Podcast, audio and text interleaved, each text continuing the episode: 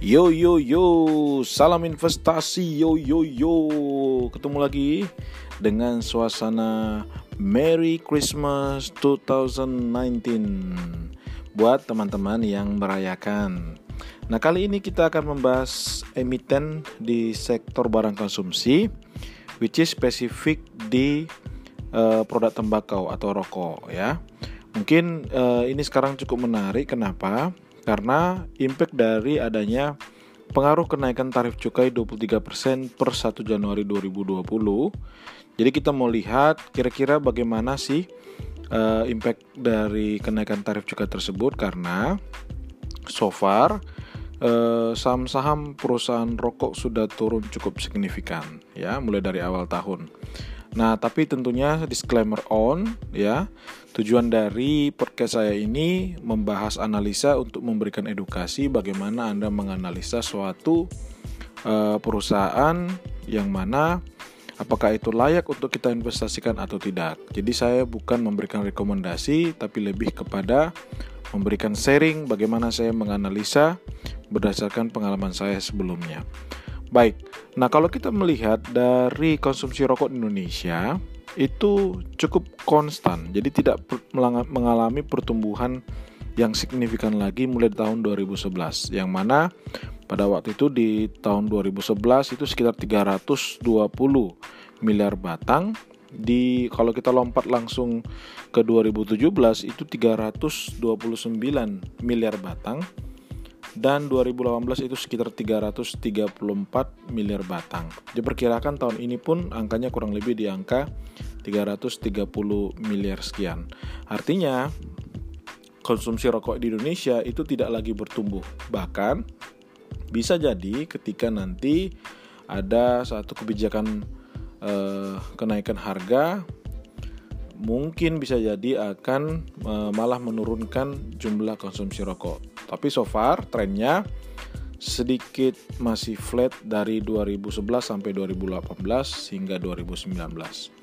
Sedangkan market share di 2018 memang eh, paling besar itu masih perusahaan HM Sampurna dengan kode HMSP ya sudah perusahaan terbuka juga di Bursa Efek Indonesia. Dan yang kedua itu dipegang oleh Gudang Garam sebesar 23% dan ada Jarum tapi sayangnya Jarum itu perusahaan tertutup sebesar 19%. Nah, kalau kita masuk dulu uh, ke jadi kita hari ini akan bahas dua emiten besar yang memegang uh, dua terbesar di perusahaan rokok Indonesia yaitu HM Sampurna dan Gudang Garam atau GGRM. Nah, HM Sampurna ini kita bahas dulu secara sekilas ya. Jadi ayam Sampurna ini sudah berdiri sejak 1913. Jadi sudah 106 tahun lah kurang lebih ya hingga 2019 ini.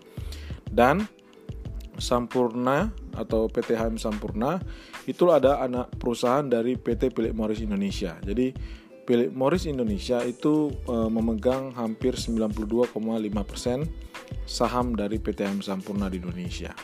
Jadi yang ada di publik itu hanya sekitar 7,5% Memang ini sesuai dengan aturan free float dari Bursa Efek Indonesia terhadap emiten yang ada di listing di Bursa Efek Indonesia.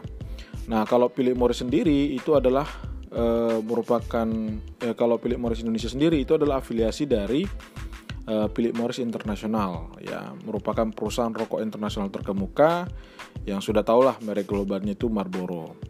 Sedangkan HM Sampurna itu pertama kali diperdagangkan di Bursa Efek Indonesia waktu itu masih Bursa Efek Jakarta tahun 1990. Dan saat ini bisa dibilang sebagai ya seperti tadi perusahaan rokok terbesar di Indonesia dan memimpin di tiga kategori sigaret. Jadi sigaret itu kalau yang belum tahu ada tiga jenis ya, ada SKT, SKM, dan SPM. Apa perbedaannya? Kalau SKT itu sigaret kretek tangan, ya yang dibuat manual dengan tangan tentunya ada bantu sih ya. Kemudian SKM itu sigaret kretek mesin jadi sigaret kretek. Jadi kalau dikatakan kretek itu berarti mengandung cengkeh itu dengan mesin dan sigaret putih mesin. Jadi putih itu ya rokok-rokok yang eh, hampir bisa dikatakan tanpa cengkeh jadi mostly menggunakan tembakau. Tapi dia diproduksi dengan mesin sehingga disebut SPM atau SPM Nah, HM Sampurna sendiri brand itu cukup besar. Yang paling terkenal adalah Sampurna E yang huruf A itu ya banyak sekali mungkin iklan atau event-eventnya. Kemudian yang besar juga eh, Sampurna itu ada di Jisamsu itu pemegang eh, brand terbesar untuk eh, SKT. Kemudian Umile, Sampurna Umile ya sejak kalau tadi sorry kalau tadi Sampurna Emal itu sejak 1989, Jisamsu sejak 1913 jadi udah sangat brand ini sangat kuat sekali. Sedangkan Sampurna Yumal itu tahun 2005 kemudian ada juga yang di SKT-nya Sampurna Kretek semenjak tahun 1968 ini juga sudah lama. Dan Marlboro Indonesia itu sejak tahun 1984 ya. Eh, yang mana saat ini HM Sampurna itu memiliki 38 mitra produksi sigaret dan 7 pabrik yang dimiliki oleh perusahaan sendiri ya mungkin saat ini ada ada apa namanya restrukturisasi. Nah karyawan sendiri kurang lebih 32.000 dengan karyawan 39.000 eh, karyawan dari MPS-nya mitra produksinya, sedangkan lebih dari 25.000 adalah karyawan tetap dari HM Sampurna.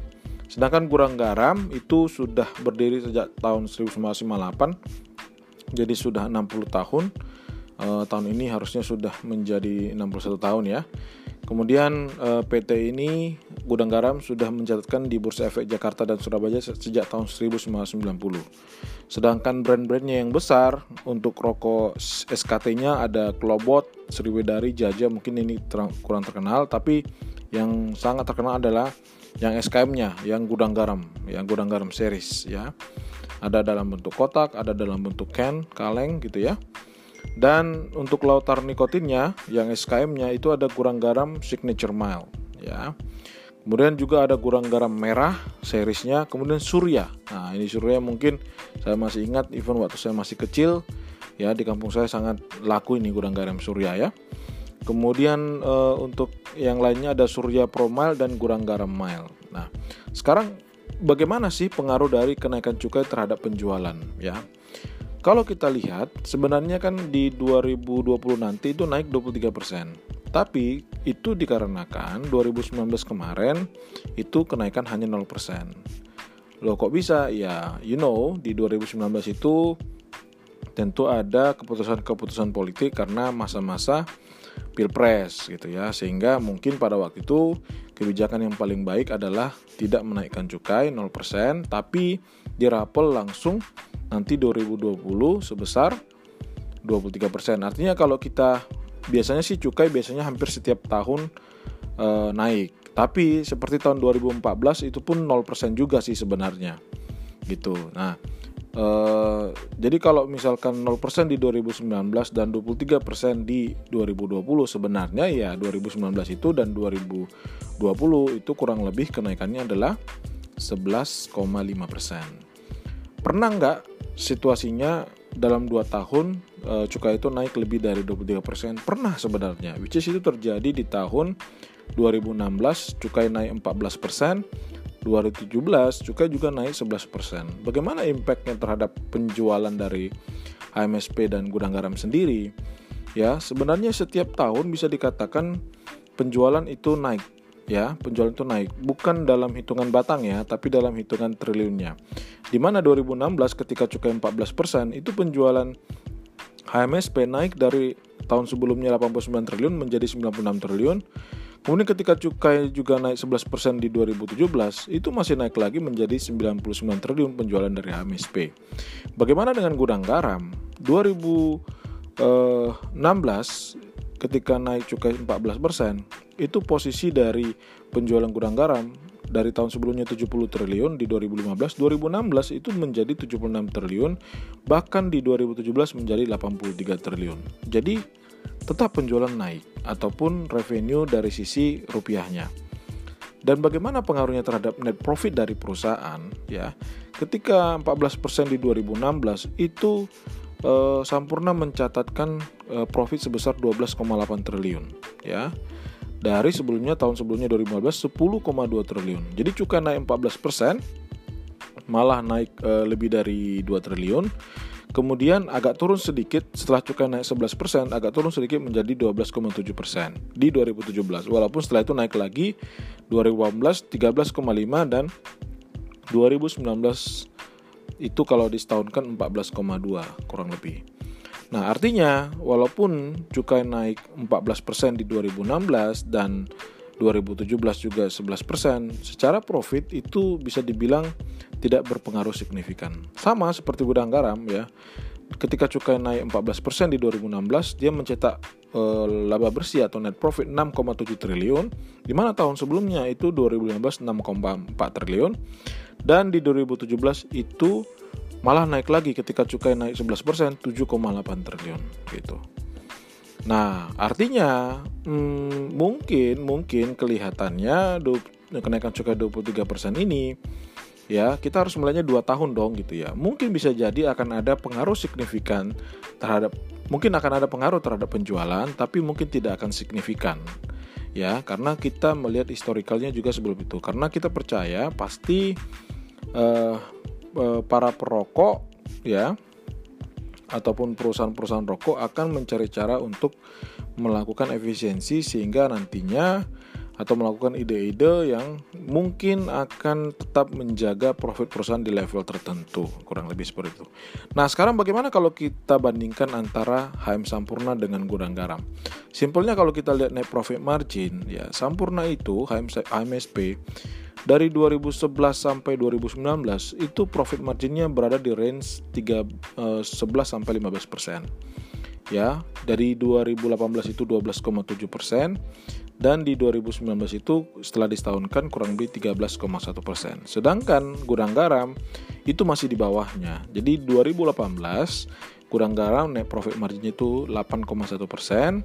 Dan di 2019 kalau disetahunkan itu 8,3 persen. Jadi ada selisih kurang lebih 4% antara HMSP dan gudang garam. Artinya dari sisi efisiensi HM Sampurna masih lebih baik dibandingkan dengan gudang garam ya. Seperti analisis saya sebelumnya, saya sih biasanya mengambil perusahaan dengan net profit di atas 10 persen. Jadi dalam hal ini menurut saya HM Sampurna masih lebih menarik dibandingkan gudang garam. Bagaimana dengan return on equity? Return on equity dari HM Sampurna sebenarnya di 2011 itu sempat ada 78,3 persen. Kemudian turun di 2015 menjadi 32,4 pada waktu itu. Sampurna melepas 5% sahamnya karena aturan bursa harus free float minimal 7,5% sehingga ada ekuitas yang masuk. Sehingga return on equity kan rumusnya eh, laba bersih dibagi ekuitas. Jadi ada cash yang masuk menjadi ekuitas perusahaan cukup besar pada itu hampir 20 triliun lebih. Sehingga turun ke 32,4 Namun balik lagi kalau kita setahunkan di 2018, sorry, kalau kita lihat di 2018 itu return on equity dari Sampurna masih 38,3 persen naik terus sampai di 2019 kalau disetahunkan itu kurang lebih sampai 49 persen, hampir 50 persen. Sedangkan kurang garam itu konsisten dari 2011 19 persen sampai di 2018 ada 17,3 eh, persen dan balik lagi ke level 19,2 persen di 2019 kalau kita setahunkan. Jadi selisih return on equity-nya juga antara gudang garam dan HMSP. HMSP masih jauh lebih baik, bahkan hampir double dibandingkan dengan gudang garam. Itulah mungkin menjadikan alasan kenapa saya pribadi lebih memilih HM Sampurna dibandingkan dengan gudang garam. Ya. Nah, sekarang bagaimana dengan bicara harga ataupun valuasi dibanding ya, jadi harga versus nilai. Kalau kita menggunakan pendekatan P ratio, sebenarnya kalau kita lihat HM Sampurna ya, karena tadi gudang garam kita sudah uh, tidak pilih lagi, tapi kalau kita fokus ke HM Sampurna dulu, HM Sampurna itu per tertingginya di 40 sampai 45 kali dan per terendahnya itu 26 sampai 29 kali gitu. Nah, sebenarnya ketika harga Sampurna di 3150 itu uh, pernya di 26 kali gitu. 26 kali. Jadi harga sekarang kurang lebih ada di 2200 mungkin 2100 itu sudah sangat terdiskon. Sudah sangat terdiskon karena melihat historical di lima tahun terakhir per terendah dari uh, HM Sampurna itu di rata-rata 29 kali dan pernah paling rendah itu 26 kali ya. Jadi kalau kita ambil 29 kali itu mungkin udah di harga 3000 lebih. Tapi kalau yang paling rendah sekalipun yang pernah tercapai dalam lima tahun terakhir itu 26 kali, ya HM Sampurna saat ini dengan P, P ratio sekitar 17 kali di harga 2100 ya, itu sudah sangat terdiskon. Artinya ada potensi kalau kita beli sekarang kemudian dia naik ke per misalkan per 40 kali itu bisa mencapai harga lebih dari 4000 itu ada potensi kenaikan 100%. Balik lagi disclaimer on, ini bukan untuk memberikan uh, rekomendasi jual dan beli saham AM Sampurna, tapi lebih kepala edukasi bagaimana kita menganalisa bahkan membandingkan emiten yang berada di sektor yang sama dari sisi kinerja mereka sehingga kita bisa memilih perusahaan terbaik untuk kita invest dalam jangka panjang. Terima kasih sudah mendengarkan podcast saya. Salam investasi Yosi Girsang.